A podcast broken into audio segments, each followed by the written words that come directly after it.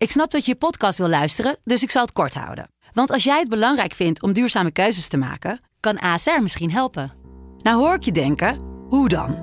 Nou, bijvoorbeeld bij het duurzaam herstellen van schade. Of de premies die we beleggen volgens ons duurzaam beleggingsbeleid. Dat bepaalt waar we wel en juist niet in investeren. Wil je meer weten over welke duurzame keuzes ASR maakt? Ga dan naar asr.nl slash duurzame keuzes. ASR doet het. Zo, dan kan je nu lekker naar je podcast luisteren. Studio Socrates wordt mede mogelijk gemaakt door Unibed. Há muito tempo você está no meu caminho. Como posso esquecer?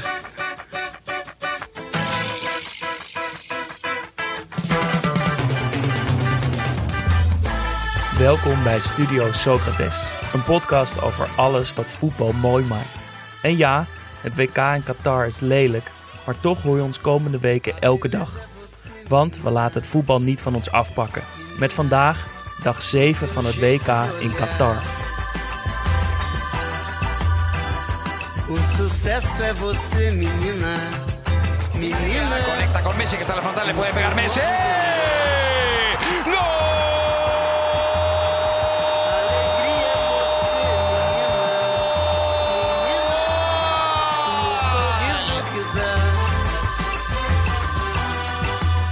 Australië won dankzij een schitterende kopbal van Tunesië.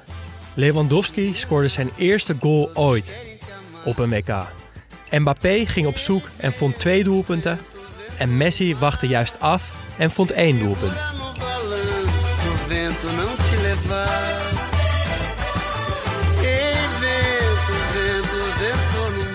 Dag 7, Daan. Een volle week. Ja, Een volle, volle, volle week voetbal. Hoe gaat het met je? Nou ik moet zeggen dat ik... ehm, nou, ik ben niet voetbalmoe, maar ik was wel heel fijn dat ik echt even een weekend had. De zaterdag was ik vrij, ik hoefde overdag niet te werken, dus ik kon uitslapen. Eh, ik kon even naar buiten toe, wat vrienden zien. eh, even een koffietje drinken met, eh, met deze en gene. Dus dat was wel lekker. Weet je nog welke wedstrijden je bijvoorbeeld gisteren hebt gezien? Nou, ja, als ik heel goed ga nadenken wel, maar het komt nu serieus niet in één keer op. En net, had, net, net, net waren we even bezig met de intro.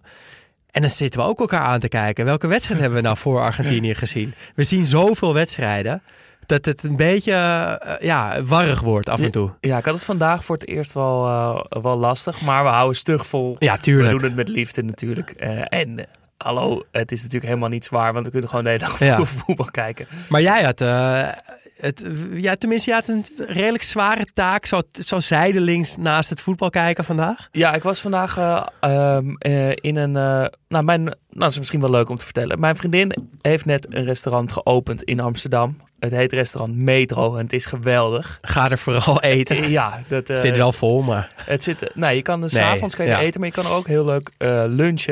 eh. Het is zeven dagen in de week geopend voor lunch en diner. En ze hebben een eigen bakkerij. En dat betekent dat er ook zeven dagen in de week eh, brood gebakken wordt en eh, Ja. lunch gemaakt. Dat is een enorme klus. En ik heb daar vandaag in de bakkerij slash keuken meege- meegeholpen. Dus eh, ik stond vandaag in mijn bakkers. Even lekker met je handen werken. Even lekker een ander soort concentratie. Dat was ook wel lekker. En ondertussen natuurlijk met een schuin oog voetbal kijken. Ehm, wat, eh, wat redelijk goed samenging. Ehm, maar dat was leuk. Ja. Dat was wel lekker. Eh, morgen weer. Nou, en toch? daarna is, heb ik weer weekend. Nou, zeg ik zou zeggen, neem een lekker brood mee naar, de, naar een van de shows. Ga ik lekker doen. Ja. Ja. Eh, genoeg over ons. We gaan het hebben over ons Panini-item. Panini maakt dit jaar voor het laatst de Panini-plaatjes. Volgend jaar worden dat van lelijke top-stickers. Misschien worden ze wel mooi, maar Panini is romantisch. Eh, we hebben een pakje gekocht. Daarin zitten vijf stickers. En elke dag eh, voegen we daar eentje aan toe en halen we er eentje uit vandaan. Onze huidige selectie ziet er zo uit. Alexander Mitrovic, Alireza Jahanbaks, Frenkie de Jong, Yuto Nagatomo en Andre Frank Zambo Anguissa. ja, wie ga je eruit halen? Ik ga eruit halen Andre Frank Zambo Anguissa. En ik denk dat je hem al voelde aankomen. De rest ben het er ook wel mee eens. hebben echt geleverd. Hebben onze harten sneller doen kloppen dit WK. En Anguissa, ja, hoe, hoe, hoe geweldig voetballer het ook is, heeft het dit WK nog niet echt laten zien. Kan nog komen. Dus die gaat er voor nu in ieder geval uit. Oké, nou ik heb een nieuw pakje opengemaakt en daar zaten voor het eerst wat dubbelen in. Um, Eric Garcia, Jeremy Sarmiento, dat is die invaller van Ecuador met die hele witte tanden en dat een beetje geblondeerde haar. Diego Godin, die hebben we dus al een keer gehad. En Eric Garcia geloof ik ook zelfs. Uh, Yuri Tielemans en de glitter van Argentinië. En nou ja, toen ik dit openmaakte en Argentinië natuurlijk net gewonnen had, toen was het heel duidelijk, dit moet in het elftal. We gaan het zo natuurlijk nog wat langer over Argentinië hebben, maar ja, het, het, blijft toch een sprookjesverhaal. Uh, Messi op weg naar de Wereldcup. Uh, even groot die status, die Maradona-status bereiken. En ondanks dat uh, ja, het logo van Argentinië geen speler is, het is een logo, ga ik hem toch in het team in het team zetten. Ja, en of ze nou winnen of niet, het, het sprookjesboek mocht niet nu al nee, het mocht niet, worden. Nee. Het moet nog eventjes doorgaan en misschien in tragiek eindigen, maar niet in de eerste wedstrijd. Nee, zeker niet. Daar zijn we blij mee. We gaan naar de wedstrijden. Om 11 uur uh, trapte Tunesië en Australië af. Ja, en dat was uh, ja, een beetje de twee kleintjes van de groep tegen elkaar. Um, Tunesië heeft de eerste wedstrijd gelijk gespeeld tegen Denemarken. Australië kreeg een pak op de broek van Frankrijk. Terwijl het begon toen nog wel aardig, die wedstrijd. Maar die hadden allebei dus wel uh, de punten hard nodig. Ja, en dat was leuk. Want Ja. dit was de wedstrijd waarin ze natuurlijk wel hun pijlen gericht hadden. Ja. En dat kon je gaan laten zien. Ja, Jeroen, Jeroen zei het ook in zijn commentaar dat deze datum bij allebei de landen rood omlijnd in de agenda eh, heeft moeten staan. Omdat dit is de wedstrijd waar de punten gepakt moeten worden. En ja, dat, dat leek, leek toch wel een beetje de kant van Tunesië op te vallen de eerste helft. Maar uiteindelijk was het Australië eh, dat op voorsprong kwam. Dankzij een hele mooie, ja, hele mooie kopbal vond ik van Duke. Hij deed me in de verste verte een beetje denken aan een kopbal van eh, Borghetti. Uh, die Mexicaanse spits die in 2006 op het WK een kopbal scoorde. Zo Daan, dit is wel echt Ja, maar dat is een uh, van de mooiste kopballen ooit. Dat hij um, al voorbij de bal loopt eigenlijk. Dus de bal komt van de zijkant. Hij loopt voorbij de bal en draait zich om en kopt hem ja, een beetje schaafkopbal zo in de lange hoek. En Duke was ook al een beetje voorbij de bal. Bijna achteruit koppen Ja. dus. En Duke was ook al een beetje voorbij de bal. En die draaide niet echt om in zijn actie. Maar moest toch een klein beetje zijn hoofd draaien om die bal nog te raken. En het was ook zo mooi dat hij precies in het net viel. En niet daarvoor op de grond stuiterde. Wat maakt dat toch veel uit? hè? Ja, dat Hoe maakt zoveel uit. Het, het doel invalt. Ja, dat maakt alles uit. Het, het, het net inkrult, dat hij bijna het hele rondje afmaakt. Of Ja. zo lekker die, op die rand komt. Het maakt alles uit. Zelfs van die v- zo'n schot van eigen helft die over de keeper vliegt. Als die in de goal stuitert, dus achter de lijn, maar voor het net, dan is de schoonheid er voor mij toch een beetje vanaf al. Moet hij dan voor de lijn stuiten? Nee, of hij moet moet, in het hij net moet in het net vallen. Gewoon in het mandje. Is nog, dat, de ontlading is groter Ja. op een of andere manier. Ja, maar het is esthetisch ook mooier. En eh, kijk, als je het op training is het bijvoorbeeld ook lekker om hem gewoon goed in het net te schieten. Want dan hoor je ook nog eens dat geluid. Nou, dat heb je als tv-kijker natuurlijk veel minder. Eh, maar het maakt alles uit voor een goal hoe die erin vliegt. Ik heb eh Klaas-Jan Huntelaar ook wel eens in een interview, volgens mij bij Holland Sport, horen zeggen dat een goal zonder net, zoals je wel eens op een trapveldje hebt, Ja, dat dat die niet. bal daar doorheen Ja. zoeft, dat was voor hem geen Nee. doelpunt. Dat moest iets en had hij zelf met hout had hij dan een heel ding ge- getimmerd, zodat die bal heel herkenbaar. Tegenaan kwam. Want wij hadden bij, bij mij om de hoek vroeger, eh, was het Amsterdamse Bos. En daar heb je van die velden met, nou ja, best wel mooie witte goals, maar zonder netten. En wij, ik en mijn vrienden hadden precies hetzelfde. Van ja, het, het, het gras werd in de zomer gewoon gemaaid. Het was goed gras.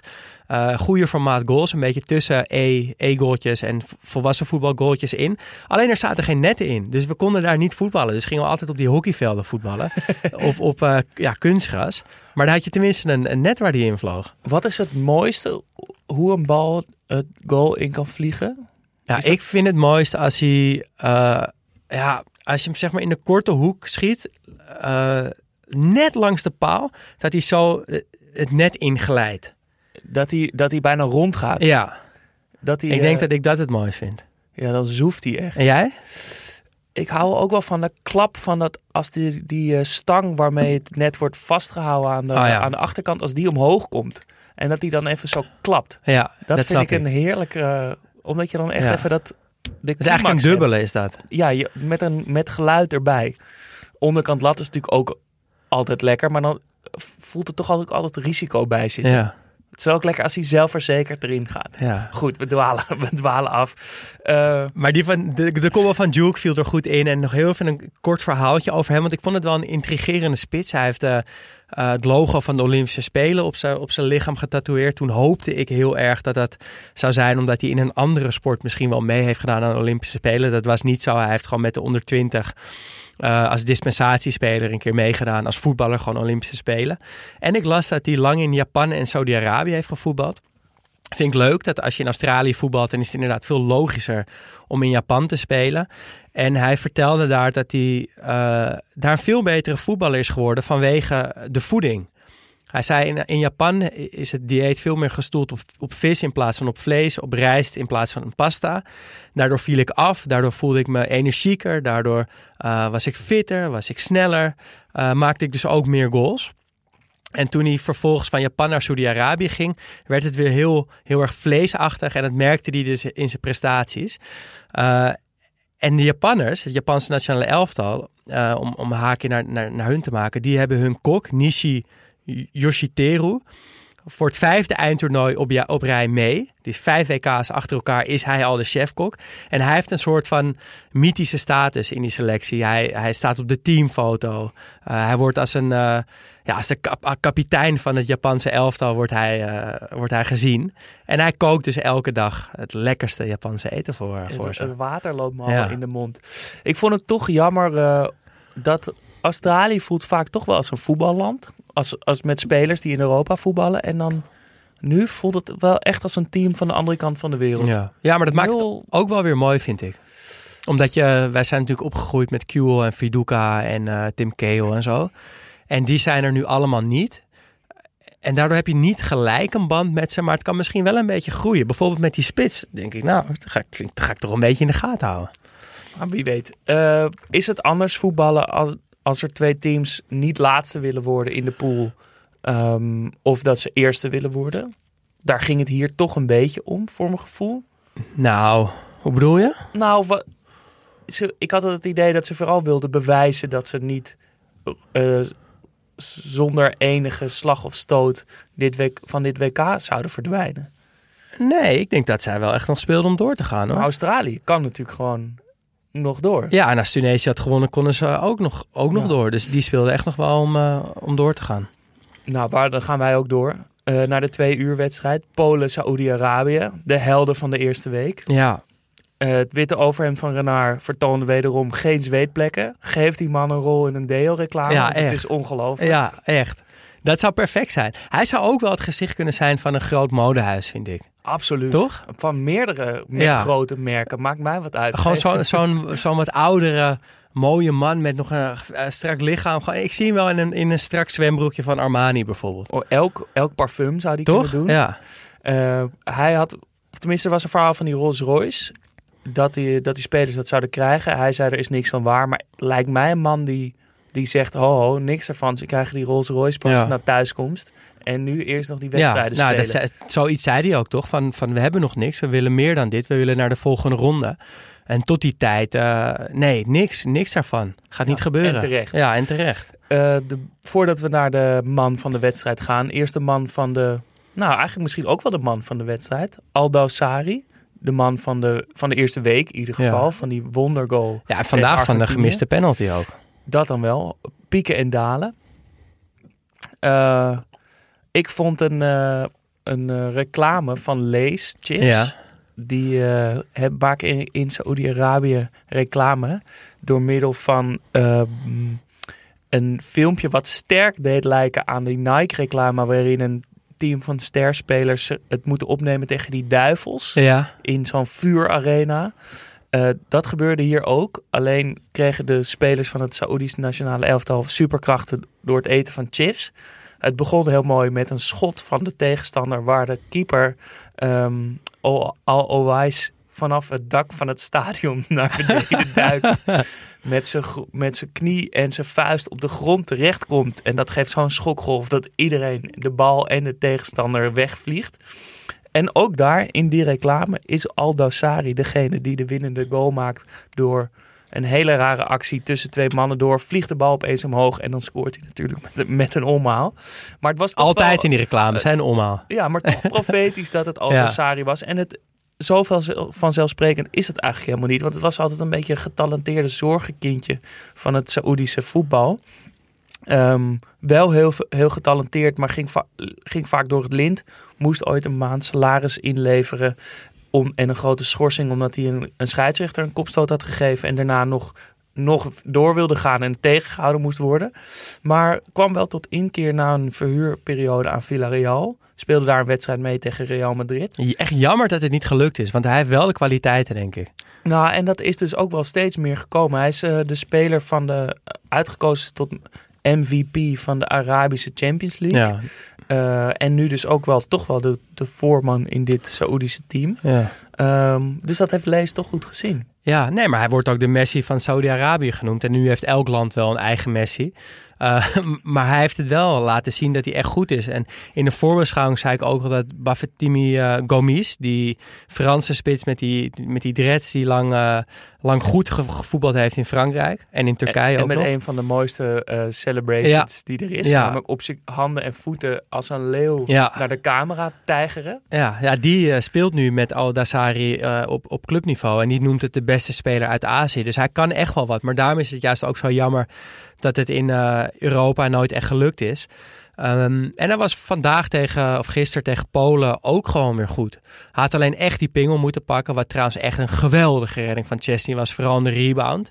Dat hij op tijd opstond en ook nog naar de andere hoek kon duiken. En die, hij raakte die bal aan, daardoor ging hij er niet in. Um, wat, wat trouwens, ja, ik heb het jou eerder deze week horen zeggen. Die penalty, dat was het gevolg van een We leggen uit wat je bedoelt met een farce, Walbe. Nou, dat...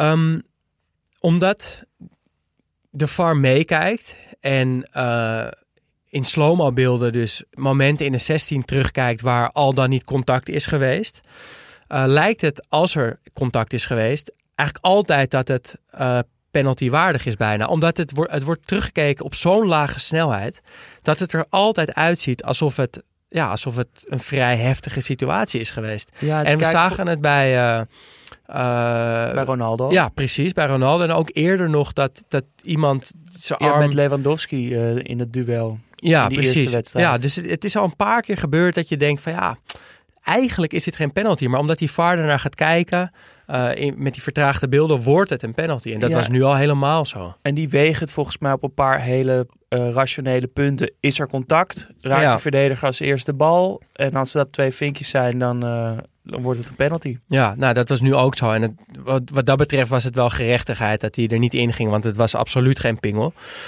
Um, ja, en, en Polen scoorde uit de eer, eigenlijk enige fatsoenlijke aanval in de eerste helft. En in de tweede helft via Lewandowski. Hoe kan het nou, dat een man die een soort doelpuntenrobot is, dan toch geëmotioneerd is? Is dat puur doordat, het, doordat hij veel druk op zijn schouders heeft? Of ook omdat dat WK toch iets magisch is? Ja, ik, ik las op Twitter van S- Suleiman van VI dat hij dat, ja, dat vlak voordat hij soort van zijn eerste contractje kreeg en zo, dat, dat zijn vader overleed en dat hij toen besloten heeft van ik doe dit voor mijn vader en dat hij daarom zo geëmotioneerd was. Ik moet heel eerlijk zeggen, vond ik een beetje een slap verhaal, want het is al zo lang geleden en waarom dan juist bij deze WK-goal?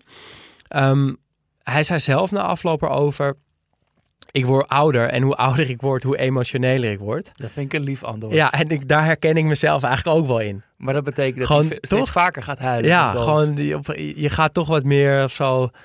Ja, de, de, de waarde van het leven en van de belangrijke dingen zien of zo. En dan, dan is dit blijkbaar voor hem zo belangrijk dat hij er geëmotioneerd door raakt. Dan de volgende wedstrijd. Eh, Frankrijk-Denemarken. Ik wil meteen, eh, want we, we hebben de NOS hard aangepakt deze, deze week. En terecht. Misschien, ja, dat ook wel terecht. Maar ik wilde ze nu dan ook een groot compliment geven. Of eigenlijk vooral Kees Luiks een compliment geven. En dus de NOS dat ze hem hebben gevraagd. Ik heb het idee dat ze toch een beetje om zich heen aan het kijken Ze zijn zoekende. dat ze zoekende zijn, dat moet beter. Kees Luiks, uitstekende vervanging. Begon ijzersterk door meteen te zeggen... dat hij zich zenuwachtig was. En dat hij zich heel goed had ingelezen voor zijn WK-debuut, zoals hij het zelf noemde. Vond ik leuk. Nou, heel leuk. Goed- leuk dat hij het zegt en leuk dat hij het doet. En dat hij het doet. Ja. En hij deed het goed. Ja, zeker. Hij, hij was inderdaad geïnformeerd. Hij, hij wist echt veel. Hij had een leuke opmerking over Damskaart. Ja. Dat als je hem in zijn ogen kijkt, dat het dan lijkt alsof hij bij de onder 16 speelt. Ja. Ehm, hij had het zelfs op een hele leuke, bescheiden manier over de half spaces. Ja. Hebben we dit WK op de NOS nog niet gehoord. Ehm, gaf ook na de wedstrijd ruiterlijk zijn eigen fouten toe in zijn voorspelling. Ja. Heel verfrissend. Ja, nee, hij, hij- het, het is een verademing dat iemand daar zit die zich goed voorbereidt. Eh, en ik moet zeggen, bij, bij ESPN hebben we hem nu ook een paar keer gehad. En daar is ook iedereen groot fan, omdat hij eh, en een leuke uitstraling heeft. Hij, heeft- hij heeft leuke verhalen, hij is- kan best wel ad rem zijn en hij, hij is gewoon go- goed voorbereid. Heerlijk. Eh, dus dat eerst. Toen begon die wedstrijd. Eh, Arno Vermeulen deed het commentaar. En ik dacht, kijken wie Arno vandaag de GOAT gaat noemen. Nou ja, Gaat het Mbappé worden? Gaat het Eriksen worden? Gaat het Giroud misschien wel worden als hij Henri voorbij gaat in, eh, in doelpunten? Maar het kon er uiteindelijk maar eentje zijn. ja het was eh, Mbappé die ja, de wedstrijd naar zijn hand zette. En toch wel echt heel knap, want het is niet dat hij de beste aanvoer heeft van het toernooi met, met Rabiot en, en Chouameni, die wel allebei heel goed zijn, maar niet per se spelers zijn die hem constant in stelling zetten. Uh, en het is bij helemaal na het wegvallen van Benzema is het zo duidelijk dat hij het moet gaan doen. Uh, ja, dat het een gigantische druk met zich meebrengt. Alleen ik vind het dus wel vet om te zien dat het lijkt alsof hij daar alleen maar beter van wordt. Dat Benzema en Mbappé samen misschien wel ja, toch, dat er toch een soort van ego-dingetje zit. Van ja, wie is nou de grootste speler van ons twee? In plaats van dat het elkaar versterkt. En dat nu Benzema weg is, dat het voor Mbappé een soort van last van zijn schouders is. En dat hij nu echt voelt, ik ben de grote man. En dat hij dus ook laat zien dat hij dat aan kan. Want ik vond dat wel heel mooi om te zien. Helemaal, in vergelijking met Messi, uh, de wedstrijd hierna. Van Messi moest het gaan doen en Mbappé moest het gaan doen. Alleen Mbappé was heel naarstig op zoek. Die ging zwerven, die ging de bal opeisen, die ging zich bemoeien, die ging een beetje irritant worden. Uh, die ging ja, eigenlijk alles in het teken zetten om die wedstrijd om te draaien, om, om, om, nou, om die wedstrijd te beslissen, om bepalend te zijn. Terwijl Messi, die moet dat ook doen. De druk was nog veel groter. Nog veel groter. Messi. Alleen Messi, die, die doet dat niet. Die blijft gewoon afwachten. Die blijft eigenlijk vertrouwen op dat ene moment dat hij net een halve seconde tijd heeft om dat moment te grijpen en die wedstrijd te beslissen. En dan maak je jezelf wel kwetsbaar, vind ik. Want het kan dus dan maar... Ja, je, ga, je forceert het niet zelf. Je bent dan best wel afhankelijk van wat de rest jou gaat gunnen. Uh, maar beide op hun eigen manier hebben ze, hebben ze het gedaan vandaag. De goats. ja, nou ja, volgens Arno Vermeulen uh, kan dat blijkbaar, ja. Frankrijk had uh, aangekondigd, of Deschamps had misschien aangekondigd om met Rabiot linksbuiten te beginnen. Ja. Toen zag ik die opstelling met die twee uh, TGV's, zoals ze, ze werden genoemd, op links en rechts buiten. Is toch wel doodeng. Ja. Betekende dat ook dat, dat je blij was met de, met de opstelling van Deschamps? Nou, ik vind het nog steeds heel jammer dat Camavinga niet speelt. In plaats van uh, Rabiot zou ik die graag willen zien. Ik wil wel trouwens nog even zeggen dat Chouameni echt... Ja, hij was al echt doorgebroken, want hij speelt gewoon in de basis bij Real Madrid. Maar die man is echt, echt ontzettend goed. Um, en ja, ik ben nog steeds bang dat Deschamps uiteindelijk gaat kiezen voor Camavinga of Rabiot hangend op links. Als, als het straks moet tegen een groot land. Uh, maar so far so goed, want ze spelen eigenlijk best wel, best wel leuk voetbal. En het is niet verdedigend, het is zelfs best wel aanvallend. En Griezmann stond op? Griezmann, die altijd in het Franse shirt goed is. Uh, wat opvallend is, want op clubniveau presteert hij echt al jaren weinig tot niks. Maar zodra hij het Franse shirt aandoet, is hij, uh, ja, is hij goed en bepalend. Hij mag in het rijtje met, met uh, spelers die het voor een club niet laten zien, maar wel bij, de, in een, bij hun land. Ja, zoals Klose bijvoorbeeld, denk ik Klose sowieso. Um, Barros. Milan Barros. James Rodriguez. Ja. Uh, Pogba, ook wel. Ja, Ochoa. zeker. Ja. En er Valencia. Mitrovic misschien wel? Nou, die vind ik wel iets te goed bij zijn club. Dat is waar. Die is gewoon altijd stabiel. Ja, ja. Uh, tegenovergestelde, dacht ik trouwens daarvan, zijn uh, uh, Benzema misschien wel. Zeker, ja, 100%. En Seedorf natuurlijk het grootste ja. voorbeeld. Ja. Um, en Denemarken hadden we van tevoren toch wel veel van verwacht. eh, vooral natuurlijk de sympathieke, sympathiekiteit. Hoe zeg je dat? De sy- sympathisme? Sympa- ja, de- nou ja, de sympathieke sympathiek Denen. Ja. De sympathieke Denen. Dat Ja. stond natuurlijk een beetje voorop. Ja. De vraag was of ze zich weer konden opladen. Zoals eh, op het EK.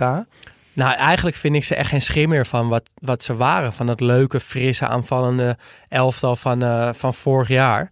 Ehm, toen jij er niet was, toen ik met Jonne opnam, to- toen zei ik, ja, volgens mij had Denemarken niet moeten uitspreken dat ze een hele goede, uitgebalanceerde selectie hebben en dat ze wel eens hoge ogen kunnen gaan voor, eh, gooien. Dat hebben ze wel gedaan, maar op een beetje gemompeld. Een soort van gemompeld zelfvertrouwen heb ik, heb ik het toen genoemd. En daar sta ik nog steeds wel achter van. Het is het zit er wel in, maar het komt er niet uit. En dan denk ik, ja, hou het dan gewoon helemaal binnenskamers. En ik moet toch zeggen dat mijn gevoel zegt dat, dat Denemarken zonder Eriksen op een of andere manier beter af is. Want ze hebben nu een ster in het midden, wat terecht is, want hij is beter dan de rest. Alleen dat komt er niet uit in het Deense elftal. Ehm, en dan denk ik toch dat ze op een of andere manier misschien wel beter af zijn zonder hem. En het is raar, want ik weet dat het Grote woorden. ja, dat het eigenlijk niet klopt. Uh, m- maar toch zegt mijn gevoel dat het, dat het wel zo is. En eh, op jouw gevoel kan je toch best eh, varen. Ja. Blijkt zo, vandaag. Kunnen we, het wel, kunnen we wel even zeggen. Ja, zeker. Want jij eh, speelt allerlei poeltjes mee. En Ja. vandaag eh, ben je overal bovenaan gekomen volgens mij. Uh, nou, niet, niet in alle poeltjes, maar ik sta wel zeker bovenaan in, in, een- in, in een poeltje. Ja, en, Vandaag had je zowel de wedstrijd van Denemarken goed voorspeld. Als Ja. die van ehm, Argentinië. ja, 2-1 en 2-0. Dus ik was heel blij toen uh, Argentinië op de valrep nog de 2-0 maakte. Uh, ja, dat gaat, dat, gaat wel, dat gaat wel redelijk. Maar ik moet zeggen dat ik, ja, ik vind het ook allebei hele logische uitslagen. Dus ik vind eigenlijk dat, ja, dat ik de credits niet eens verdien hiervoor. Want dit, ik neem aan dat meer mensen dit goed uh, ik, had hebben. niet, ik had niet geweten wat ik had moeten Nee? invullen. hoor. Nee. Uh, nog één mooi beeld. Turam keek Ja. naar zijn zoon Ja, uh, mooi. het veld. En hij zat op de tribune naast uh, Schmeichel senior. Dat was ook leuk. Dat ze allebei een zoon hadden spelen. Ja, En hij had sandalen aan. Ja. Vond, ik, vond ik een mooi beeld. Dan die grote wedstrijd van vandaag. Argentinië-Mexico. Moeten we weer even bij de NOS beginnen? Ja, want we waren trots. Ja, Uh, namelijk Danielle Clivon was de gast. Zat gewoon tegenover Marco van Basten. ja. En voor de oplettende luisteraar, ze is een keer te gast geweest. Nou, niet een keer. Ze heeft gewoon eh, wekenlang een column bij ons gehad. Dat is Eh, waar. Wij hebben haar eh, voor het eerst een podcastpodium gegeven. En ze is ook de gast geweest in onze show over Ajax, wat wij af en toe maken. Eh, haar eerste tv-optreden. Voelt een beetje als, eh, alsof Nee, ze is we hebben- uitgevlogen. Nee, wij hebben natuurlijk eh, helemaal niks te maken met haar Nee, doorbraak. claimen niks. Maar, ehm, Maar ze deed is- het goed. Ja, en, we- en ze is wel, nou, we, we kennen haar, dus we waren trots om haar te zien. En ze deed het goed, ze was Ja, goed ze- voorbereid. Ze, ze durfde het podium gelijk te pakken. En, eh, Ze durfde Marco van Basten te verbeteren. Ja. Of, eh, of eh, de kennis ja, toe te voegen aan wat hij zei. dus hopelijk gaan we er vaker zien. Ze deed hartstikke leuk. Ehm, ik was toch wel een beetje WK-moe. Ja, maar bij deze wedstrijd, toen het begon, ging ik echt rechtop zitten. Dacht ik, ah ja, dit is, nu gaat, nu gaat het erom. Hard tegen hard. Pure, maar toen kakte je snel was- weer in, of niet? toen- ja, helaas zat Ja. ik toen toch wel weer een beetje terug. Hoewel het natuurlijk super hoog en intens tempo was en voor elke centimeter gestreden werd, kwam er weinig voetbal uit. En ik heb er wel van genoten. Eh, maar dan toch, toch, toch dat ene moment. Ja, ja, ik moet zeggen dat ik het echt een, ik had het zwaar tijdens de wedstrijd, want ik vond er weinig aan. Eh, alleen, ja, daar, daar hing zo'n mooi verhaal boven. Dat, dat Messi op zou kunnen staan en Argentinië naar de volgende ronde zou kunnen schieten. En dat deed hij ook. En vlak daarvoor zeiden wij nog tegen elkaar van ja, het is toch wel moeilijk om te zien dat Messi, als het dus niet lekker loopt met zijn elftal, eh, dat hij niet, ja, dat hij niet zoals Mbappé gaat zoeken en de boel op sleep, sleeptouw neemt en even die bal komt ophalen en zijn teamgenoten op hebt. Dat is hij gewoon niet. Hij blijft gewoon in die zone, ja, zeg, zeg 16 tot 30 meter van de goal. Beetje in het midden. Blijft hij een beetje zoeken, kijken, zoeken, kijken. Hopend op dat ene momentje dat hij dus net te veel tijd krijgt. En, als het dan dus niet gaat, als het niet lukt, als die ruimtes er niet komen, dan, dan gaat het frustreren. Ja, want dan blijft hij nog steeds daar wachten. En dat maakt hem dus heel afhankelijk van zijn teamgenoten. Eh, Denk je niet dat er ook dat die teamgenoten op een gegeven moment ook denken, ja, eh, heel veel respect voor, voor Messi, maar een fuck it, wij gaan het nu zelf doen. Nou, ik denk dat ze dat sowieso denken. Alleen, ik denk, Messi's status is wel zo groot en hij is wel zo goed dat ik, ja, dat je als teamgenoot waarschijnlijk altijd het gevoel hebt van hij kan het zomaar eens gaan doen. En, en dat was nu ook zo uiteindelijk. Want Di Maria geeft een strakke bal met stuit naar Messi. En volgens mij zit die goal zit in zijn aanname. Want hij neemt die bal zo precies aan, waardoor hij kan aanleggen en ja, die bal in die hoek kan schieten. Uh, het schot is goed, maar helemaal niet bijzonder. Maar als je goed naar die aanname kijkt, die, ja, die kan geen centimeter korter of langer zijn. Want dan kan hij dat schot niet zo doen. En dat maakt die goal zo, zo knap. En ik vond ook wel de ontlading van Messi. Daar, daaraan zie je wel dat, dat het hem echt wel wat doet. Tuurlijk. Ja, maar niet tuurlijk. per se nee, dat Argentinië. we natuurlijk niet aan. Nee, maar ik bedoel meer van- spelen. Ja, maar dat, dat het hem dus echt wel wat doet ook. Dat hij, volgens mij dan, dat hij misschien dat wel niet in zich heeft. Dat, dat echte vechten voor je elftal. En, eh, dat is ook of dat hij het op een andere manier uit misschien. En dan kom je toch ook weer weer terug bij je voetbalidentiteit. Dat Ja, je daar- klopt. Dat het toch vaak goed gaat als je daaraan vasthoudt. Dat Ja. als hij misschien gaat slepen en sleuren, dat het dan dat moment dus ook niet gaat komen. En dat hij slim genoeg is om, daar, om dat niet te gaan forceren. Ja, Eh, het enige, als ik dan toch één puntje moet geven, zou het verhaal helemaal passen als het in de 94ste minuut was gebeurd. Als het 93 minuten lang vechten, sleuren, slepen, zeuren, rollen was geweest en dan dat ene momentje, ja. dan was het boek helemaal mooi, maar nu klopt het nog steeds. Ik denk dat hij dat gewoon bewaart voor, eh, voor een later moment. We gaan, eh, we gaan afsluiten. Dat betekent dat we eerst even naar de administratie gaan. Ehm, de actie van Jonne. Een euro voor elk doelpunt wat dit EK valt. En een tientje voor elk do- tegendoelpunt van Qatar. eh, gaat naar Amnesty. Naar een fonds om de, de eh, arbeiders te eh, compenseren. Daaraan kan je meedoen. We hebben een pagina op de website. Een actiepagina op de website van Amnesty. Daar kan je doneren. Ja, gaan we maandag groot zo uit de wereld in slingeren. Ja, maar het kan al wel. Ehm, je kan eenmalig doneren. Je kan het net als wij doen voor elk doelpunt. Je kan het elke dag doen of één keer na, na afloop. Of, dat kan allemaal. Maar zit jij thuis op de bank en zit het je niet lekker? Geniet je van het WK, maar met een enorm dubbel gevoel. Is dit misschien een kans om, eh, om daar iets aan te doen? Ehm, tot vandaag stond de teller bij ons op 88 euro. Daar kwamen vandaag eh, acht doelpunten bij. Dus dat komt op 96. Gaat goed, gaat de goede 96 kant op. in de pot. Morgen vier wedstrijden. Om 11 uur Japan, Costa Rica. Om ik, twee eh, uur. ik hoor Japan-Costa Rica. Ik denk dat ik dan lekker brak op de bank lig eh, die wedstrijd te kijken. Heb Jij ik nu gaat- al zin in. Jij gaat vanavond bier drinken. Ja, zeker weten. Om twee uur Marokko-België. Dat is ook leuk. Ik, dan ga ik met vrienden ga ik naar eh, de kantine van DCG. Dat is een club in Amsterdam-West. En daar organiseert een, een man met wie ik gewerkt heb... die organiseert Mokro Inside.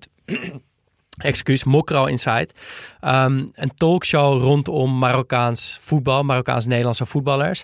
Normaal altijd op YouTube, maar nu dus een live eh, uitzending op locatie. Er zijn bekende analisten te gast. Ik weet even niet wie, maar uit het poeltje van Atemos, Juri Mulder, eh, eh, Henk ten Katen, dat soort gasten, die zijn er. Eh, volgens mij een uurtje van tevoren wedstrijd kijken en dan nog een uurtje na afloop. En daar ga ik heen en daar heb ik echt heel veel zin in. Nou, daar willen we dan ook uitgebreid verslag van morgenavond. Om vijf uur gaan we genieten van Kroatië-Canada. Ja, heel benieuwd of eh, Canada weer eh, zo'n lekkere pot op de mat kan leggen. En om acht uur natuurlijk de, de knaller. Spanje-Duitsland. Ja, misschien wel de eerste echte wedstrijd tussen twee toplanden op dit WK. En P3 tegen Musiala. Straks nog natuurlijk het eh, item van Elias Masian. Elke dag een nummer en een column oh, van een land wat die dag in actie is gekomen. Vandaag met muziek uit Polen. Poolse funk. Je zou het niet verwachten. Nou, ik, Poolse jazz is een ding, weet ik toevallig. Alleen Poolse funk eh, kende ik niet. Nou, dat weet maar heel dan, veel zin in. eh, na vandaag. ja. Eh, geef ons vijf sterren op Spotify, Podimo, Apple of waar je dan ook luistert. Dat helpt ons enorm. En word vriend van de show. Dat kan vanaf 2,50 euro per maand. En Zorg ervoor dat wij ook een soort van mokro inside kunnen gaan maken. wil je meepraten? Dat kan. Doen we eigenlijk al, hè? Bij deze podcast. Ja. Maar dan niet mokro, maar Nou goed, NL Inside. stuur ons een berichtje via Twitter of Instagram. Studio laagstreepje Socrates. Mailen kan trouwens ook. Ons e-mailadres is studiosocratespodcast.gmail.com Próbowałem żyć zwyczajnie Dag mannen. Vandaag geen tip uit de studio, maar vanuit een loods in Delft. Een DJ's leven gaat in het weekend gewoon over DJ. De tip moet natuurlijk gewoon doorgaan, dus hier komt hij. Vandaag hebben we het over Polen.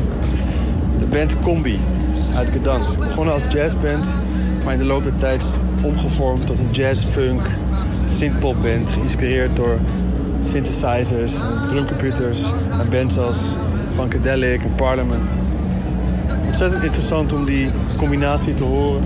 En ehm, wil je ook eigenlijk nog een tip geven, namelijk de compilatie Polish Funk. Rare Grooves van de 1970s. Die ga ik jullie in de show notes laten zetten. En eh, morgen ben ik er weer. Gewoon uit de studio. Hopelijk iets zwoeler. En, eh, en als vanouds. Tot morgen.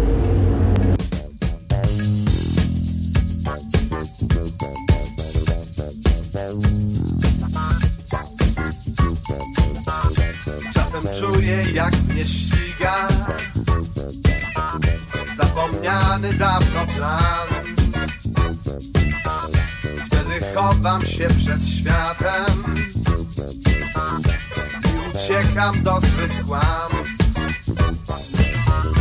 Napadają mnie kłopoty. Kiedy chciałbym zostać sam wyciągają siłą z domu Żeby w kiepskie żarty grać